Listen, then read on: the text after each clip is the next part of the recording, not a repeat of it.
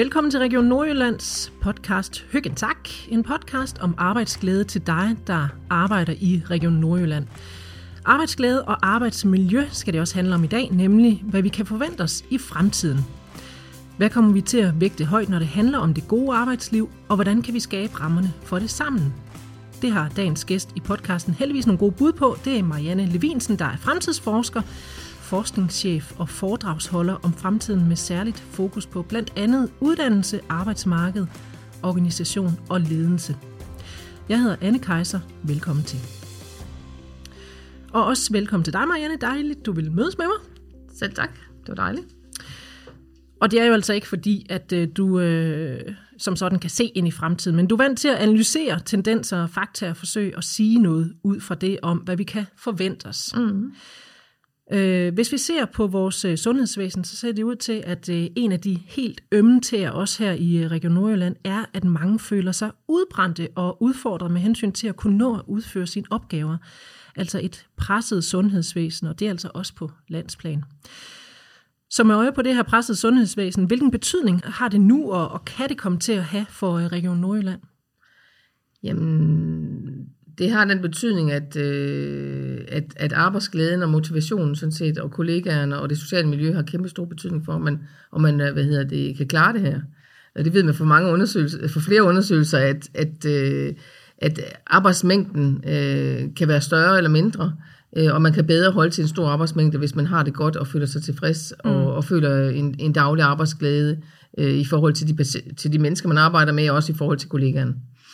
Hvis vi sådan kigger på, hvad, hvad det kan have af, af udfordringer i, i fremtiden, hvad, hvad ser du så der? Hvis man er 10 på en arbejdsplads, øh, og der hele tiden løbende er en 3-4 stykker, der ryger ind og ud, øh, så, kommer, så er der mange opgaver, men der er også oplæring og alle mulige andre ting ind over. Øh, og man når ligesom ikke at høste frugten af alt det, mm, den tid, man måske bruger mm. på en ny medarbejder, før vedkommende er væk, eller der er en ny, der skal komme ja. ind på arbejdspladsen. Så der er mange forskellige elementer, der kan påvirke det her. Hvis nu vi, øh, vi ser på øh, os mennesker, så er vi jo så heldigvis så heldige, øh, eller så snedige indrettet, at når vi møder de her udfordringer her, så forsøger vi også at udvikle metoder til at, at komme over eller komme forbi de udfordringer, der nu mm-hmm. måtte være. Øhm, og hvis nu du ser på, hvilke tendenser der rører sig, hvad, hvad kan du så sige noget om der, når man øh, sætter det i perspektiv til de udfordringer, sundhedssektoren står overfor? Noget af det, man er nødt til at se mere på, i, øh, på, på især på, på offentlige arbejdspladser, det er, hvordan giver man den enkelte medarbejder mere indflydelse på sit eget arbejde. Mm. Og det er noget med at arbejde mere i teams og selv kunne tilrettelægge og selv kunne aftale. Øh, så det ikke hele tiden føles som om, at man, man er den laveste fællesnævner på arbejdspladsen, der bare modtager ordre op fra og udfører dem. Så selve organiseringen omkring arbejdet, der er man på en helt anden måde nødt til at have medarbejderne med ind i forhold til, øh, hvordan det kan gøres, og også have indflydelse på at ændre nogle af de eksisterende arbejdsgange. Mm. Fordi noget af det, der, der, der også presser folk på en arbejdsplads, det er i høj grad, hvis man ikke synes, at man selv har nogen indflydelse, men man bare er sådan en form for marionetdukke, der følger de regler, der er rundt omkring, øh, og bliver presset rundt. Det, det giver en meget negativ øh, arbejdsglæde, og en meget negativ opfattelse af det at være ansat et sted. Mm. Fordi man er bare en, øh, der ligesom bliver dirigeret rundt, øh, og man kan ikke selv gøre hverken fra eller til, eller hvis man kommer med et løsningsforslag, øh, så går de bare op i det større system, men kommer aldrig tilbage igen. Altså det der med, at man mangler, man, har, man føler, at man ikke har en stemme mm. ind på arbejdspladsen. Hverken i forhold til, hvem der skal have tage den ekstra løn, eller i forhold til, hvordan man kunne øh, effektivisere nogle ting, eller hvordan man kunne ændre på nogle af arbejdsgangene, eller man kunne trække nogle andre øh, faggrupper mm. ind. Så man kan sige, det der er i høj grad er brug for, det er sådan en form for øh, lokal demokratisering. Selvfølgelig ja. under, efter de rammer, der, der findes, men, men i høj grad en, en, hvor folk kommer til at føle mere, at de selv er med til at skabe nogle af de her vilkår. Og der lever vi i en meget regelbundet verden, især på offentlige arbejdspladser, hvor der er ufattelig mange regler. Øh, så noget af det, man virkelig skal arbejde med, det er at finde ud af, jamen, hvor er faktisk de ting, vi kan lave, hvor er de ting, hvor vi har nogle, nogle de områder, jeg plejer at kalde det mulighedsrum, hvor er mulighedsrum, hvor kan vi faktisk gøre nogle forskelle? Hvordan kan vi hjælpe hinanden, eller hvordan kan vi organisere os på en anden måde, sådan at vi faktisk bliver mere glade for at være her? Og, og lige præcis, det, det, er også, det tænker jeg også på. Hvad er det, man egentlig kan gøre? Fordi som du siger, der er den, den offentlige arbejdsplads, der er en masse politik, der er regler. Øh, det er jo ikke en privat arbejdsplads øh, i, ude Nej. i regionerne. Så der er altså noget, man skal forholde sig til der. Plus, at der jo også er patienter og borgere, som mm. man skal tage hensyn til. Øh, og som du siger, inden for nogle rammer, man kan arbejde, øh, altså at være fleksibel, ind, dog inden for nogle rammer. Men, mm. men hvad er det så, man kan være fleksibel øh, Jamen, man kan her? jo for eksempel se på, på, og det ved jeg, man er i fuld gang med mange steder faktisk, man kan jo se på de arbejdsopgaver, man har, Øh, og hvis man nu for eksempel tager ud fra udgangspunkt, hvis man tager sådan, nu tager vi sådan sundhedspleje hvis vi tager udgangspunkt i, i sundhedsplejen, for eksempel øh, på en eller anden, øh, enten sygehus eller en institution i, i regionen, så kan man sige, jamen, og der kan man jo så se på arbejdspladsen, hvad er det for nogle opgaver, der er? Hvad for nogle opgaver varetages øh, i dag af øh, sundhedsplejersken, for eksempel, eller syge, sygeplejersken? Hvad for nogle opgaver kan faktisk godt varetages af nogle andre? Og hvad siger de selv? Ikke? Øh, hvilke andre faggrupper, er det noget med, er det noget med selve sekretærfunktionerne? Er det noget med, med nogle af de praktiske funktioner? Hvordan kan de varetage af andre? Der er nogle af dem, man har løst, men, men jeg er sikker på, at man kan, man kan gøre det på en anden måde. Øh, og ofte har man heller ikke, øh, altså, man har jo ofte brug, travlt med at lave regler der, der, der, op fra. Det er ikke altid, man har travlt med at finde ud af at få ryddet op i dem og få organiseret dem. Så nogle gange har man også brug for et analytisk blik mm. på, jamen, hvad er det, vi gør? Hvordan gør vi det? Hvordan kunne vi rapportere enklere? Og hvordan kunne vi, øh, hvordan kunne vi effektivisere vores øh, arbejdsgange på en ny måde? Så der skal hele tiden arbejdes med, øh, hvordan, hvad man har arbejdsopgaver, og hvem der løser dem bedst, mm. og hvem man eventuelt kunne trække ind og til, at, til at løse nogle af de her opgaver, sådan at man bliver frigivet for eksempel til det, der hedder sygeplejefaglig arbejde. Ikke? Øh, og, og det er sådan, det folk også bliver, bliver træt af, det er ofte, hvis de kommer til at lave en hel masse andre ting, end det de synes, de er uddannet til. Så det, det er sådan en, en, en ongoing proces, øh, som man, som jeg plejer at sige, det, det, det der kritiske blik på, på, på arbejdsopgaverne. Og det er normalt. Vi har et, et meget fleksibelt arbejdsmarked. For 20 år siden, der lavede folk noget andet, end de gør i dag. Så vi skal hele tiden arbejde med at finde ud af, hvordan løser vi opgaverne mest smart. Og skal der være et system i stedet for? Altså det er jo det, der hele digitaliseringen, mm-hmm, ja. øh, sådan, set, øh, sådan set, hvad hedder det, i den positive øh, fortælling er, at så går systemerne ind, og digitaliseringen ind, og automatiserer, og gør det hele nemmere og sådan noget. Det er bare ikke altid det, folk har oplevet. De har ofte oplevet, at automatiseringen og digitaliseringen har påført dem flere opgaver. Mm. Og der er jo også ja. vigtigt, at man, at man ligesom, når man står med de her digitaliseringsprojekter, har ansatte og, og, og, og, og, øh, og borgere med inde og sørge for at validere dem, sådan at de bliver en succes. Ikke? Altså, øh, det, og det er noget, man ofte glemmer. Ja, fordi jeg tænker også, nu siger du det her med, øh, enten kan man digitalisere, øh, eller også få, altså sende, sende opgaven videre til mm. andre. Mm. Men så har vi jo igen det her problem med øh, altså fremtidens bemanding. Øh, det, ja, ja. det er svært at, at få folk, og, og det kommer så måske til at bide sig selv i halen. Hvem er det så, der skal lave de her opgaver her? Ja, det er det. så, der, så der har vi jo så øh, næste problem. Det er, derfor, det, det, det, det, er, det er næste problem, men, men man kan også sige, at, at så længe vi har det sådan, øh, så længe der er nok medarbejdere, så gør man heller ikke, laver man ikke om på ting. Og den her, den her udfordring med arbejdskraften, det gør også, at folk bliver mere kreative og nødt til at lave om på tingene, fordi de kan ikke bare få de medarbejdere, de vil have. Og der er mange flere, der arbejder med andre faggrupper. Der er også mange flere, der arbejder med, hvordan får vi folk til at være mere glade, sådan at vi ikke, hver gang vi får tre nyansatte, så, så mister vi en eller to i løbet af mm. meget kort tid. Mm. Så alle de ting, kan du sige, det er sådan en masse forskellige tiltag. Der er ikke, desværre ikke one fix it all. Nogle gange kan man få fornemmelsen, når man hører, jamen bare vi fik nogle arbejdskraft udefra, eller bare vi fik nogle flere ledige, eller bare vi fik... Der er ingen one fix it all løsning på det her. Øh, men, men en ting er sikkert, at, at det at være glad for at gå på arbejde, have nogle gode kollegaer og føle sig godt tilpas, det er med til at sikre, at man bliver på arbejdspladsen. Mm. Øh, især de yngre medarbejdere, hvis, hvis øh, altså folks tærskel for, hvornår de siger op og når de søger videre, den er, den er meget lavere. Øh, og hvis de oplever, at de ikke kan få indflydelse, eller ikke bliver set, eller ikke bliver hørt, eller ikke bliver medinddraget, så er der rigtig mange, der bare flytter sig. Så, så øh, de yngste har altid været dem, der har været mest, hvad skal man sige, mest omsætning i på arbejdsmarkedet. Mm. Men, men, men, men det er især blandt dem, vi ser det, men vi ser også blandt men andre medarbejdere, fordi de ved, at de nemt kan få et job. Ja. Ja. Noget af det vigtigste for at få folk til at fungere på en arbejdsplads, det er, at man, man har et nærvær, en fornemmelse for, hvordan de har det. Mm. Øh, og at de føler, at de har en, en, en øh, en mulighed for indflydelse også på deres eget arbejdsliv, ikke kun på, på arbejdspladsens øh, organisation og arbejdsopgaver, men også på at kunne komme og sige lige pludselig, hvis man går fra at være ung og arbejde rigtig mange timer, og være meget fleksibel, lige pludselig bliver man børnefamilie, øh, så oplever man så, at man er på en arbejdsplads, hvor der faktisk er en åbenhed for, når man siger, det her det er faktisk det vigtigste i mit liv øh, lige nu. Kan jeg få en lidt anden måde at arbejde på, nogle andre arbejdsopgaver? Kan vi, kan vi løse det her på en eller anden måde? Jeg vil gerne blive, for jeg synes, det er en god arbejdsplads. Øh, hvordan kan vi imødekomme det? Mm. Ikke? Og det er jo... Øh, det er jo nogle gange en webserede, kan vi sige. Ikke? øh, men, men det er faktisk også det, der får folk til at blive. Ikke? Mm. Og det samme gælder i den anden del af, af, af tilværelsen, når man begynder at være senior. Øh, når vi taler regionale arbejdspladser, øh, så er det lidt ligesom i kommunen. Dit navn er øh, region, kommunen, dit navn er, er kvinde. Øh, og øh, rigtig mange kvinder, de, øh, de stopper jo med det samme, de kan på mm. efterløn eller pension. Øh, og, og, og der har vi i de her år også en mulighed for måske at få talt noget mere med dem inden, og få hørt, om de faktisk gerne vil. Det, som vi også ser nogen gøre, arbejde en dag om ugen, eller arbejde nogle timer, eller øh, varetage nogle specielle opgaver og sådan noget. Altså, øh, fordi jeg oplever faktisk også mange, der er gået på efterløn, fordi de ikke kunne klare arbejdet. Ja. Øh, og det gælder faktisk også nogle, jeg har mødt fra de regionale arbejdspladser, som så bagefter er ked af det.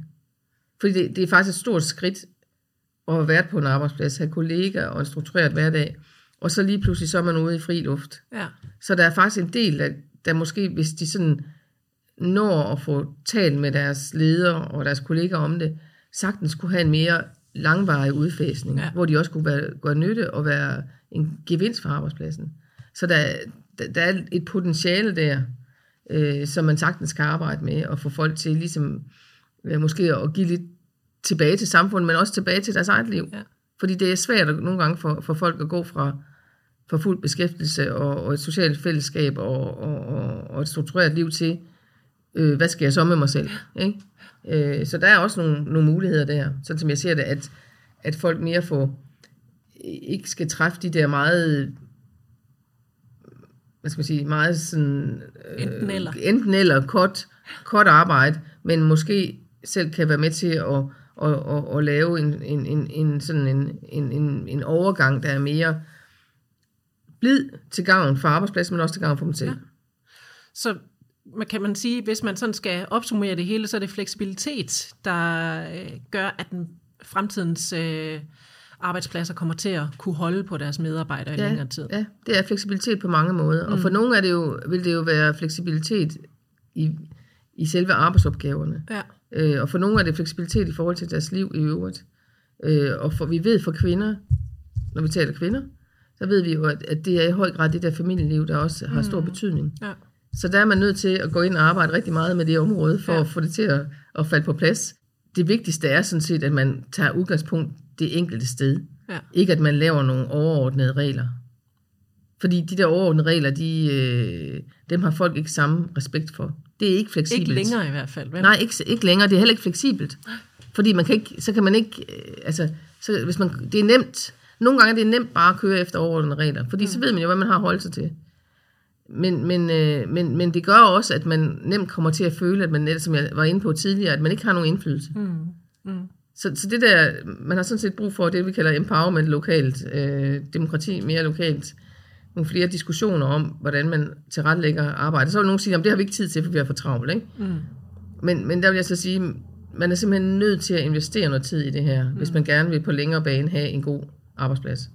Og det er jo så, hvis man primært skal fastholde folk. Hvis ja. nu vi så kigger på fremtidens rekrutteringsmuligheder, øh, som du var inde på, jamen i, i fremtiden, og, og sådan set måske også allerede nu, der er det arbejdstagers arbejdsmarked. Mm. Øh, og det kan altså blive en udfordring. Det vil det nok også blive øh, med hensyn til at få arbejdskraft til de forskellige stillinger.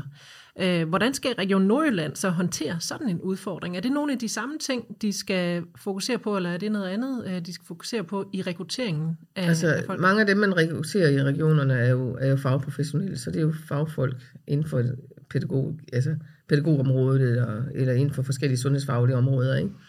Så, så der er selvfølgelig stadigvæk den der i rekruttering, det der med, altså det der mulighed for fagligt at udvikle sig som en del af rekrutteringen. Det, mm. det, det ved vi, at folk inden for de fagprofessionelle professionelle områder er meget optaget af, at de kan få lov til at udvikle deres faglighed. Ikke? Så det er en del af det. Den anden del af den der stadigvæk, den der fleksibilitet. Kan man få nogle forskellige muligheder? Kan man tilpasse det sammen med noget andet? Øh, har man en, en hobby, man gerne vil dyrke ved siden af? Øh, så, så, så, øh, så det er også den der fleksibilitet, hvor, hvor stor, altså ligesom lukke op for, at det ikke bare nødvendigvis er på den og den måde, men, men vi kan også finde ud af nogle løsninger. Mm. Man er nødt til at være mere fleksibel, ja. simpelthen. Øh, ellers så er det rigtig svært, fordi så er der andre, der vil hugge dem. Og det vi ved for mange af fagene, ikke, ikke nødvendigvis for de højt uddannede, men mange af det, jeg kalder de faglærte offentlige, og så lidt længere, det er så sygeplejersker, de er lidt længere uddannede, de er kort, kort mellemlang, øh, det er jo, at de faktisk ofte går ud af deres fag. Mm-hmm. Så, øh, så der er jo igen et eller andet med, jamen, hvad er det, der sker? Hvorfor går de ud af deres fag? Er, de, er det, fordi de er utilfredse med deres vilkår, eller kan de, er det lønnen? Er det, altså, der er også et eller andet arbejde, der består sådan set også et arbejde i at finde ud af, hvorfor der er så mange, der faktisk forlader deres fag. Mm. For det er, en kæmpe, det er et kæmpe spild. Der er et kæmpe spild på, på, på, på mange af de fagprofessionelle. Øh, så, så det er også et arbejde, ikke? At finde ud af, jamen, hvorfor forlader de deres fag? Og det kan man sige, det, det er jo ikke noget, du kan bruge rigtig i rekrutteringen, men måske er der faktisk nogen, der går rundt og har et fag, som ikke har arbejdet med det, som vi måske kan, også kan rekruttere ja. ind. Ja. Øh, men alle kæmper om alle for tiden, så, ja. det, så det er svært. Jeg siger ikke, at det, der er ikke nogen øh, nem løsning på det her, vel? Fordi alle kæmper om de samme mennesker.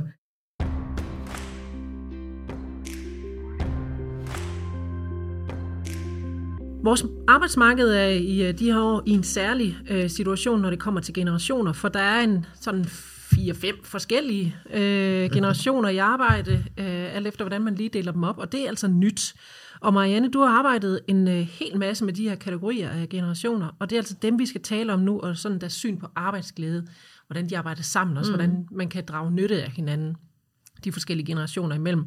Men først vil du så ikke lige prøve øh, kort så kort det nu kan gøres, og rise de her generationer op, sådan hvad der karakteriserer dem i forhold til arbejdsglæde, måske også hvor de ligner hinanden og adskiller sig fra ja, hinanden. Jo, det kan jeg godt. Altså man kan sige, at den, den største generation er nok min egen øh, lige nu på arbejdsmarkedet, altså øh, generation Jensen, som er født der mellem 55 og, og, og 66. Øh, og øh, vi, er sådan, de, vi er de pragmatiske øh, idealister, og har stået lidt i skyggen af, af 68'erne. Øh, og vi er stadigvæk de gammeldags på den måde, at vi, vi, sådan, vi kommer ind i en A-kasse, vi melder os ind i en fagforening med det samme, da vi kommer ud på arbejdsmarkedet, og vi står op for at bidrage til samfundet ikke? Øh, hver dag. Øh, og, øh, og vores idealer, fordi vi har de der gamle idealer om samfundet og kollektivt og sådan noget, lidt ligesom 68'erne, så er en del af arbejdsglæden også at, at synes, at det er meningsfyldt, og der er en rigtig etik i det, vi, vi, vi gør, og det vi arbejder med. Så det er meget vigtigt for os for vores arbejdsglæde, mm. at vi synes, at vi gør det rigtige. Vi hjælper nogle mennesker, vi gør samfundet mere lige. Øh, øh, vi, altså, det, det, der med, det, det er noget af det, der betyder mest for os. Det er ligesom det der, den store ramme, mm. kan du sige, i forhold til arbejdsglæden. Selvfølgelig også noget med, i forhold til os selv, det er ikke det. Men det er også meget, at det store billede, samfundsbillede og, og institutionen og alt det der, det, det hænger sammen. Øh, den anden, næste generation, det er sådan en X-generation, der er født der mellem 67 og, og 79. Øh, og nogen kalder dem, tør, hvad hedder det, 68'ernes tømmermænd. Fordi at de, de, de er sådan de første unge og børn, der, altså det er efter, hvad hedder det, p-piller og, og, og aborten kommer lidt senere, der er 73. Øh, så er den første generation, der er sådan rigtig ønsket. Øh, hvor forældrene lige pludselig kunne begynde at ønske noget om, hvornår de vil have børn og den der mm. slags der. Det er også de første børn, der får deres eget værelse i parcelhuset, og der er nye vinde med børneopdragelse, og børn får mere at vide, at de er noget i sig selv og sådan noget, og de ikke bare skal tilpasse sig samfundet og alt andet der. Øh, og når vi interviewede dem om arbejdsliv, så noget af det, de sådan er, der er, der er mere en individual, den individualisering, som vi ser senere også blandt yngre generationer, der er mere det der med, at man også selv har et ansvar. Mm-hmm. Øh, og at man er meget måske sådan har fundet sin egen vej, og det er det my way, siger, som den der øh, Frank Sinatra sang, det er sådan meget karakteristisk for ekserne at de sådan selv har fundet deres vej, men også er optaget af, at når vi de rigtige resultater, måske ikke så meget, hvad er titlen og sådan noget, men, men når vi det, vi gerne vil, øh, det er det, der er vigtigt for dem. Og det kan jo være mange forskellige ting, ja. hvad vi når, hvad vi vil. Det, der er noget, der hedder KPI og sådan noget. Der er nogle forskellige mål, måleinstrumenter, som de er en del optaget af. Øh, men det er også de første individualister. Det betyder også, at de er jo også de første, der ligesom har fokus på, hvad får jeg ud af det her ja. for alvor, ikke? Øh, ikke kun hvad for samfundssystem og alt andet der. Ikke? Øh, så, så, så både deres egen, deres egen krav plus det her resultat, det er noget af det, der kendetegner deres øh, arbejdsglæde. Mm. Øh, når vi så tager næste generation, Y'erne, øh, som er født i 80'erne, i de kolde 80'er, det kan de ikke selv huske, en, en lidt sjov generation, fordi de vokser op i, i øh, altså de fødes under den kolde krig, vokser op i glade 90'er og 0'er, og så kommer finanskrisen. Og det er også en generation, der fik at vide, bare I gør alt det, som, bare I gør det, I har lyst til, så får I alle de jobs, I gerne vil have. Og så kom bum, så kom lige finanskrisen, da de, da de blev voksne. Det var mig. Jeg kan ja, huske det. Ja, ja, det var det. Og det, det, det, det ret sjove var, at de var de første, der sagde sådan noget med, da vi interviewede dem, så altså sagde de noget med øh, de tre F'er, ikke? Fritid, frihed og fællesskab det skulle der også være plads til på arbejdslivet. Og det var selv lige, vi interviewede dem faktisk efter, lige efter finanskrisen, og der er de ligesom ikke opdaget det, hvordan det hele var ved at gå helvede til. Om det er lige meget. Øh, og de har så ændret sig. Øh, og, og, og faktisk øh, kan man sige, at de ændrede sig fra den der med nulleren, hvor det hele, det var jo ikke kun blandt unge, det handlede også om andre for, at, at øh, jo mere vi kunne forbruge, jo større biler vi kunne have, jo flere rejser om året. Ikke? Altså det mm. der, øh, er som man guldkalden plejer at kalde den der periode i nullerne hvor alle, alle friværdier skulle omsættes hurtigst muligt. Øh, der var de også nogle mega forbrugere. Sådan et billede af dem, at de er gået for det der Sex in the City, hvis der er nogen, der kan huske den ja. serie der. Det var noget med, det handlede bare om at købe og købe og købe, og bare låne. Øh, der er de så gået til, at de er også meget optaget af øh, klima, øh, det rigtige forbrug, øh, rigtig adfærd og sådan noget. Så de blev meget mere moralske i forhold til øh, også deres arbejdsglæde, også i forhold til, hvor de gerne vil være ansat, og hvor, hvem de synes, de gerne vil arbejde for. Mm. Og det er også noget, jeg hører jævnligt blandt andet fra min egen, en af mine egne børn, som er også y, og det der med, det betyder faktisk rigtig meget for dem, den type virksomhed, de er ansat i, om det er en, der er på den rigtige, ja. i det rigtige segment, altså er det en, en, en klimasønder, eller en, en, en klimayder, eller nogen, der gør en god forskel ud i verden, ikke? Øh, og, øh, og selvfølgelig er det også optaget af deres egen behov for det, de, det de sådan set opdrag til, ligesom næste generation, af sætterne, som kommer der fra, fra øh, 1990 til 2001. Øh, det er den første, det er en kæmpe stor generation, det er dem, der skal til at være børneforældre nu, her i 20'erne. Det er en kæmpe generation, fordi øh, 60'ernes, øh, 60'er generationen var stor. Øh, den tilhører jeg selv, og derfor fik vi også rigtig mange børn i 90'erne. Øh, og, øh, og de er jo sådan opdrag til for det første at have indflydelse meget mere derhjemme end andre, end tidligere generationer. Mm-hmm. Øh, for det andet også til, at øh, i skole og uddannelsessystemer til alle de her individuelle læreplaner, hvor man ligesom selv er i dialog om, sig, om sine egne talenter, både de faglige, de sociale og de personlige. Øh, og det har man selvfølgelig også en forventning om, når man kommer ud. Så det er også en del af deres arbejdsglæde, det der med, er der overhovedet nogen, der ser mig? Er der nogen, der er dialog omkring mig? Og hvis man skal sige fælles for de der yngre, både dem i yerne i, i 80'erne og også øh, dem øh, sætterne, hvis der er sådan noget, der er fælles for dem, så er det nok den der drøm om et arbejde, hvor man gør en forskel for mennesker, klima eller miljø. Øh, som sådan den store bare, det ved man også, når man laver mm-hmm. internationale undersøgelser, så, så det samme med de generationer der, det er det, der ligger allerhøjst for dem, det er at gøre en forskel og gøre noget meningsfuldt for andre, og så klima og miljø øh, og så ligesom kunne kombinere det med den faglighed, man har. Mm. Om det er pædagog, eller læge, eller øh, HK, eller hvad man nu er. Det er sådan set ligegyldigt, ikke? Men, men man sådan kan se, at man samtidig med, at man gør noget godt for verden, for mennesker og miljø, så kan man også selv udvikle sig. Så man har ligesom kombinationen. Det vi også ved, det er, at arbejde er ikke det eneste salggørende for dem. Så det var det, vi var inde på lidt tidligere, at mange af dem har det også sådan, at hvis de ikke får det opfyldt, de gerne vil, så, så er de ikke så bange for at sige det der arbejde op. Fordi deres tilværelse består ikke kun af arbejde, den består også af fritid og mm. venner og familie og sådan noget. Hvor vi andre gamle, især sådan nogen som mig, som er ved at være den uddøende race, ikke? altså vi er meget opdraget til, at, at, at arbejde er det eneste saliggørende. Ikke? Ja. Og jeg plejer at sige, at de unge har ret. Fordi hvis man ser på, altså man, det gamle protestantiske etik er, at man skal man skal uddanne sig, man skal arbejde hårdt, så skal man nok opnå det, man gerne vil. Men, men i virkeligheden, øh, så har økonomen Piketty jo vist, at det, den, den fungerer ikke længere, den der sociale opstigning fungerer ikke. Altså, den nemmeste måde at blive rigtig rig på, det er ved at have rige forældre. så, så, så, prøv det. Så, så, så det, det, siden 70'erne, den der sociale opstigning, den er, den er død. Øh, ikke kun i Danmark, men også andre steder, og det er den de facto. Mm-hmm. Altså, så, så, så, de, så de har sådan set ret, de unge, ikke?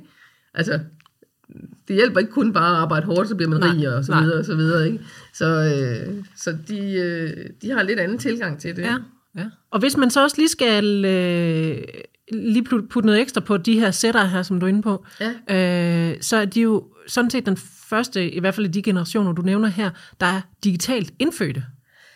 Man Ikke? siger også, at de er det yerne, men, men, men øh, det, det er Ikke sådan helt, en, nej, det er en til, nej, det er en tilsignelse. Men ja. det er fordi, man, man begynder at skrive, altså øh, Mark Prensky, som er øh, amerikansk øh, musiker og pædagog, begynder at skrive om de der digitale indfødte, og hvordan de skal øh, pædagogisk skal håndteres på en anden måde end tidligere mm. generationer. Og der skriver han sådan set om yerne. Men, men, men jeg plejer at sige, at de rigtige digitale indfødte er faktisk sætterne. Ja. Fordi det er der, vi begynder at have nogle børn, der ikke kan huske tiden før. Ja. Altså, de kan ikke huske, Nej. og det kan, det kan nogle af yrerne godt. De kan godt huske dengang, der ikke var... De får mobilen, og de får også noget, noget spil og noget net, men slet ikke på samme måde som, som sætterne og generationerne efterfølgende, mm. ikke? Nej. som slet ikke kan huske. Øh, Der var ikke andet. der var ikke andet, vel? Nej. Det, det, der, er det, der er sådan en overgang, skal man sige, yrerne er lidt en overgangsgeneration, mm. men, men, men sådan rent øh, akademisk øh, har man sagt, det var, begyndte man at tale om sætterne som, mm. som digitalt indfødte, men jeg, jeg plejer at sige, at de ægte er sætterne. Mm. Ja. Men det er jo altså en helt særlig, kan man sige, øh, gruppe af mennesker, der er digitalt indfødte, og som ikke har oplevet andet, sat over for de andre generationer, som kommer andet helt andet, ikke? Jo. Din generation og de efterfølgende her. Øh, der kommer til at være, skulle være plads til rigtig mange forskellige mennesker og værdier ude på arbejdspladserne, øh, og man kan måske også forestille sig, at det er, som du siger, de yngre generationer, der er stærkest repræsenteret fremad. Nu siger du godt nok, din øh, generation også stadigvæk øh, fylder meget. Det er forskelligt for, for arbejdspladser. Ja, Der er mange regionale, der er mange kommunale arbejdspladser, hvor der er rigtig mange gamle. Men øh, af historien ser man da i hvert fald, at på et eller andet tidspunkt, så falder de jo nok fra. Det er så det. det. Der er brug for rigtig mange unge for Ja. at erstatte alle de gamle. det er i hvert fald de yngre, der, der kommer ind på arbejdsmarkedet Ja, nu. ja. Hvordan kan de her forskellige generationer bruge hinandens øh, styrker, eller vaner, eller måde at, at, at, at anskue verden på arbejdspladsen på?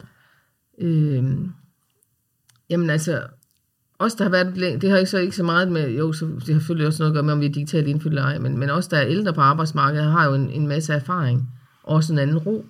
Øh, og det kan man jo godt bruge som ung nogle gange til at få at vide, hvordan hænger det sammen, og få forklaringer og argumentationer. Øh, og nogle af de yngre, de er hurtigere til at se nogle nye løsninger, det kan være en ny app, eller nogle nye måder at gøre tingene på, fordi øh, man kan sige, fremtiden er digital, mm. fremtiden er interaktiv, fremtiden er platformagtig. Øh, og der er der nogle af os andre, der har lidt sværere ved hurtigt at kunne se nogle løsninger. Og der er en del af de yngre der, der er de bedre til at kunne finde en eller anden smart løsning, fordi de, de er vokset op i det, de er vokset op i det univers, øh, og kan, kan bedre se nogle, nogle muligheder, og tør, tør nok også mere kaste sig ud i det. Mm. Altså vi, vi andre, der er lidt ældre, øh, vi har vores erfaring, vi har vores faglighed, øh, og det giver en anden ro, og vi ved også fra masser af undersøgelser, for eksempel apropos arbejdsglæde, at dem, der er mest tilfredse, det er faktisk de gamle medarbejdere. Mm. Ja. Hvordan kan det være? Jamen det er jo fordi, man har fundet en eller anden ro, og man har prøvet mange ting, og når der sker og opstår noget, så har man nogle gange, så hjælper det for eksempel også, øh, kunne jeg selv mærke det den her gang med krisen, selvom jeg synes, det har været rigtig surt, så har jeg også prøvet finanskrisen. Og bare det, man har prøvet en krise før, Ja. det gør et eller andet i forhold til, hvordan man håndterer den. Og sådan er det jo også med arbejdslivet, ikke? Altså man har prøvet forskellige modeller, man har også prøvet forskellige chefer, man har også prøvet alle mulige andre ting. Så man har en anden ro og fundet sig selv, og også fundet ud af noget, som, som for de fleste af os sker omkring de 40. Øh, hvad er der vigtigt for mig? Mm. Er det vigtigt, at jeg har et meget fast, nogle faste arbejdsopgaver, et meget fast arbejdssted? Er det vigtigt, at jeg hele tiden udvikler mig og kaster mig rundt? Øh, er det noget tredje, fjerde, der er vigtigt? Det er noget, man også bliver mere afklaret, af, afklaret med med alderen. Mm. Det er man ikke altid afklaret med, når man er i 20'erne og i 30'erne. Der er man ved at, nogle gange ofte ved at finde ud af, hvad er vigtigt for mig. Det er derfor, man ofte ser, at folk som omkring de 40 øh, springer ud som selvstændige, eller øh, ændrer fag, eller et eller andet, fordi de finder lige pludselig ud af, at måske er kommet på den helt forkerte gren. Ikke? Mm. Og den, den fase der, den vi kalder den formative fase i livet, den, den er trukket ud for yngre mennesker. Så, så de er jo stadigvæk, mange er stadigvæk søgende på vej til at finde ud af, hvad de vil. Ikke? Ja. Og der, har de, brug- der er det rart at have nogen lidt ældre, man kan, kan læne sig op, og man kan få svar på nogle spørgsmål med, samtidig med, at man også har brug for andre unge. Ikke? Så, så man, jeg synes, jeg plejer at sige, at, at man, man overvurderer nogle gange det der med de unge kun. Øh, fordi det bedste på en arbejdsplads er faktisk den der kombination. Man både er nogen, der ligesom stiller spørgsmål og kommer med forslag, og, øh, og det kan også være en, der er ældre. Det er ikke sådan, det er ikke sådan fordi de kun er de unge, der er udviklingsorienteret. Det kan altså også være en ældre, medarbejder. Det har jeg altså mødt en del af også. Men, men, men at man er forskellige typer, og forskellige aldre, og forskellige generationer, og derfor også forskellige perspektiver. Mm-hmm. Det giver en god, det giver en god kemi på en mm. arbejdsplads. Fordi hvis man er for en, så bliver man også måske nemmere uenig. det giver også i forhold til den der fleksibilitet. Det er noget nemmere at lave fleksibilitet, hvis man har en arbejdsplads, hvor de ikke alle sammen har små børn under to år, for Ja, eksempel. ja, Ikke? ja. Så øh, Så, men, men nu har du sådan lige fokus på, hvordan at øh, den ældre generation øh, kan, kan drøbe noget erfaring ned over de yngre. Ja, ja, ja. Hvad kan de yngre så øh, bidrage til, som Altså, de ældre første- kan, Ja. kan bruge? Altså for det første, så ved vi, at de yngre er, det ved jeg godt, det siger folk, det ikke er rigtigt, men hvis vi ser på det sådan rent, der er mange, der siger, at de yngre ikke er så dygtige og sådan noget, men det, er noget, det, det synes jeg er noget pjat. Hvis vi ser på det rent øh, uddannelsesmæssigt, så kan de yngre som regel inden for deres fag mere end de ældre, og har mere ny, ny opdateret viden, så de, de, tager noget nyt, de tager noget ny viden med ind på arbejdspladsen, som kan bruges mm. på en god måde. Øh, og så tager, noget ny energi, så tager de energi med ind. Livsglæde, arbejdsglæde. Det er dejligt at have nogle unge, der er frisk og frejdige og går på med krum hals, ikke? Og så ved jeg også, at lige præcis den her øh, yng, den yngste generation, Ja, sætterne, ja. øh, siger du har en ærlighed, som, øh, som, som andre generationer ikke er vant til at bruge. Kan du prøve at for, fortælle lidt om det? Ja, altså det er sådan, den der forskel mellem de ældre og de yngre, det er, at, at, at, øh, at yngre er mere, øh, de er mere vant til at tale om sig selv, tale om deres egen faglighed, de er også mere vant til at tale om deres egen privatliv og deres egne udfordringer der, øh, som person. Så de har også en, de, de, de kan sætte ord på nogle af de ting, der er svære også øh, på en arbejdsplads, også nogle af de følelser, der er svære, øh, og tør gøre det. Mm-hmm. Øh, og det er noget af det, vi ældre også kan lære noget af. Altså øh, faktisk den ærlighed og, og ture og tale om de grimme eller de ubehagelige følelser. Ja. Øh, og, og, og kunne håndtere det på en professionel måde. For det skal jo ikke håndteres for at, at disse nogen, det skal håndteres for at, ligesom, at få sat ord på, hvorfor de her situationer er særlig svære. Enten for den borger eller patient, man er med at gøre, eller for, for en selv. Ikke? Mm. Så der, der er de noget mere vant til at tale tæt på sig selv, og se på sig selv, både ud fra hvad de kender, men også ud fra, hvordan, hvordan de er som mennesker. Mm. Øh, det er vi andre lidt opdraget til at skubbe til side, eller vi har, vi har lært at skubbe det til side. Mm. Og, og vi har fundet os i meget mere end unge mennesker, så, så det er også derfor, at jeg siger, at unge mennesker meget siger, du er det, du gør. Det vil sige, hvis du, hvis du siger en hel masse, men så i virkeligheden, altså du siger, at vi alle sammen har muligheder, og vi har alle sammen ret til noget, og så i virkeligheden, så skal du bare igennem som leder. Mm. Så har du ingen respekt, fordi så, så gør du, du skal walk the talk, som man siger på, på moderne nydansk, amerikansk, ikke? Øh, at du skal gøre det, du siger, og det er de meget optaget af, og der har de en anden ærlighed. Mm. Men også mere øh, kontante. Og det har vi måske også godt af en gang imellem blive rusket lidt i. Ikke? Så det er hele vejen rundt, der kan man faktisk drage glæde og- og nytte af, af hinandens øh, værdier og vaner og måder at gøre tingene på. Øhm, hvis nu vi kigger øh, lige hurtigt på sundhedsvæsenets øh, arbejdspladser i fremtiden, og nu er vi inde på det her med digitalisering. Det ser ud til, kunne vi måske forvente, at der bliver mere og mere digitalisering. Mm. Øhm, hvad skal man så være øh, opmærksom på i, i forhold til oplæring, hvis vi ser på de her forskellige generationer og deres, ja, simpelthen deres digitale evner? Der tror jeg til gengæld, at, at øh, når, vi, når vi taler sådan store rammesystemer, og sådan noget, som man ofte taler om i sundhedsvæsenet, øh, der er det klart, at de ældre måske som udgangspunkt kan have svære ved det. Men det kommer helt andet igen på, hvordan systemerne er tænkt ud, udtænkt. Mm. Altså vi har jo meget set, at systemer er tænkt af de gamle, udtænkt af de gamle strukturerne og tilgangene mm. i systemerne er tænkt af de gamle, så er de jo nemmere ved at be- betjene det, men hvis det er nogen, der er, der er udtænkt efter med nye, nye metoder, nye platformer og sådan noget. Så det kommer meget an på, hvordan det er for nogle typer systemer, vi snakker om. Hvor meget ikke uddannelse de forskellige- Nej, det ved vi ikke med mange forskellige generationer. Men jeg ved bare, at den der digitalisering, det er, det er en stor, langsom koloss. Så alle skal faktisk have uddannelse i den. Øhm, men det vigtigste er måske ikke så meget uddannelsen, det er måske, at man sørger for at lave nogle nemme løsninger, som passer til alle. Ja. Som man nemt øh, via tale, hurtige instruktioner og et eller andet, kan bruge dem. Ja, så det er mere Øh, udviklingen af Det er systemerne, mere der... udvikling af systemerne, jeg synes, der er den store udfordring, fordi selvfølgelig er der forskel på, hvor digital man er, og om man kan finde ud af det, men, men, men jeg tror ikke, det er den største udfordring. Jeg tror faktisk mere, at det er systemernes inerti. Øh,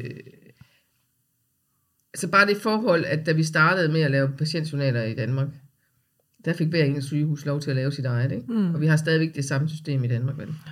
det er mere organisering, analysen og, og udvikling af systemerne, der måske er vigtigere end, end, end, end personalet. Og, og der skal personalet så inddrages, fordi hvis personalet, det, det var et eksempel i København med, med deres patientjournal, var jo, at der var ikke nogen, folk var ikke blevet uddannet, og der kan man sige, så går det rivende galt, Ja. når folk ikke ved, hvad de skal. Og det, det er sådan set ligegyldigt, om de er unge eller ældre, ikke? ja.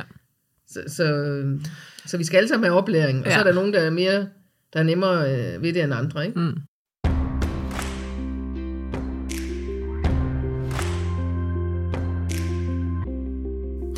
Lad os her til sidst øh, se lidt mere generelt på fremtidens arbejdsmarked i sundhedssektoren, og øh, hvad der kommer til at motivere os og give os glæde i arbejdet.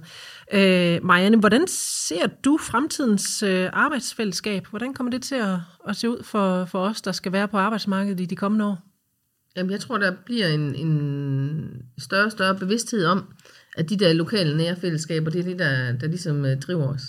Og at man på en helt anden måde øh, kommer til at fokusere på, hvordan man vedligeholder og udvikler dem. Så at man, man oplever, at man er en del af et lokalt fællesskab, selvom man er en del af en stor organisation. Hvordan kan det være, at det er det, der kommer til at være fokus på? Øh, jamen det er fordi, at vi, vi mennesker, vi lever i den der øh, digitaliserede, globaliserede verden, hvor alting er automatiseret og fremmedgørende på mange måder. Øh, og vi er øh, sociale dyr. Vi har meget brug for at høre til et sted. Vi har brug for at have nogle mennesker, der er engageret i os og gider og øh, optaget af både vores faglige og vores personlige udfordringer.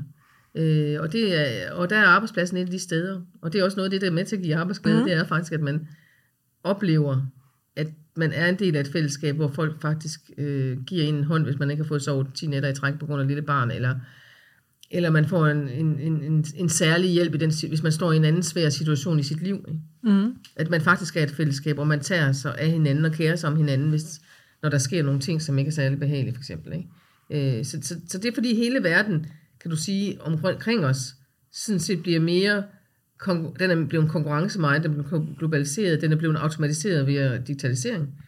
Øh, så vi føler nogle gange, at vi er sådan lidt nogle elementer, der flyver ude i universet.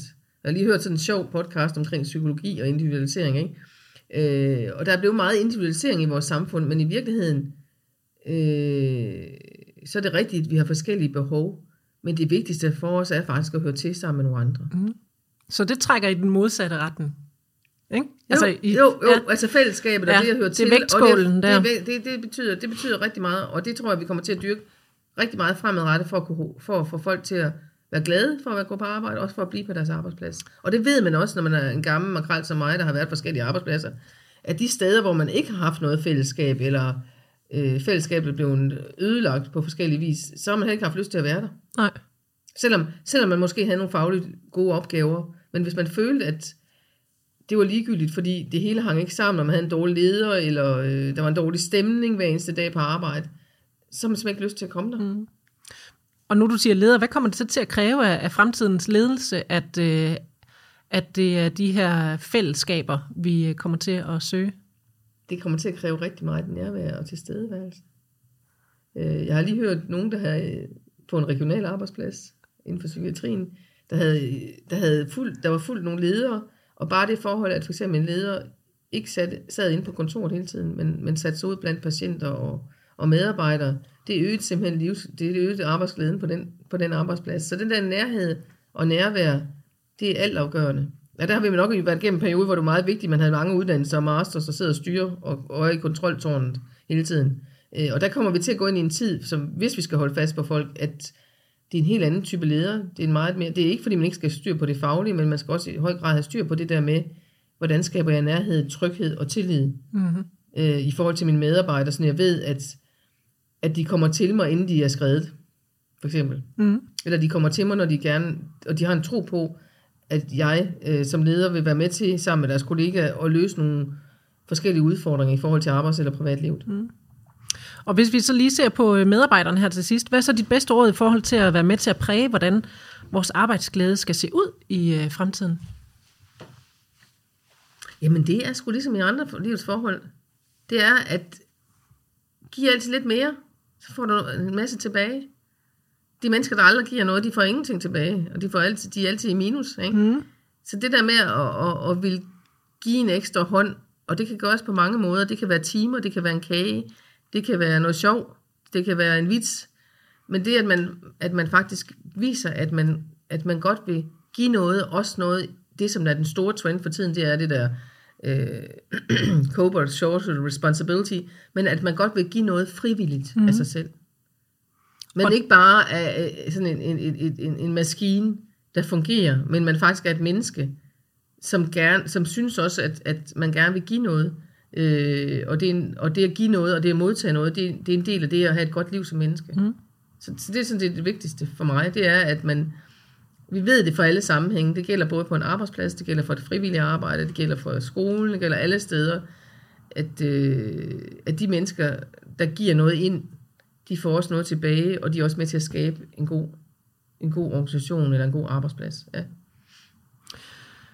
Og øh, nu slutter vi med million dollar question her. Hvis øh, du skulle forudsige en, en ting om fremtidens arbejdsmarked, som vi pt. vil synes er, er fuldstændig utænkeligt, øh, men hvor vi om 10 år vil sige, at der havde Marianne alligevel fat i noget, da hun snakkede om det for 10 år siden. Hvad skulle det så være?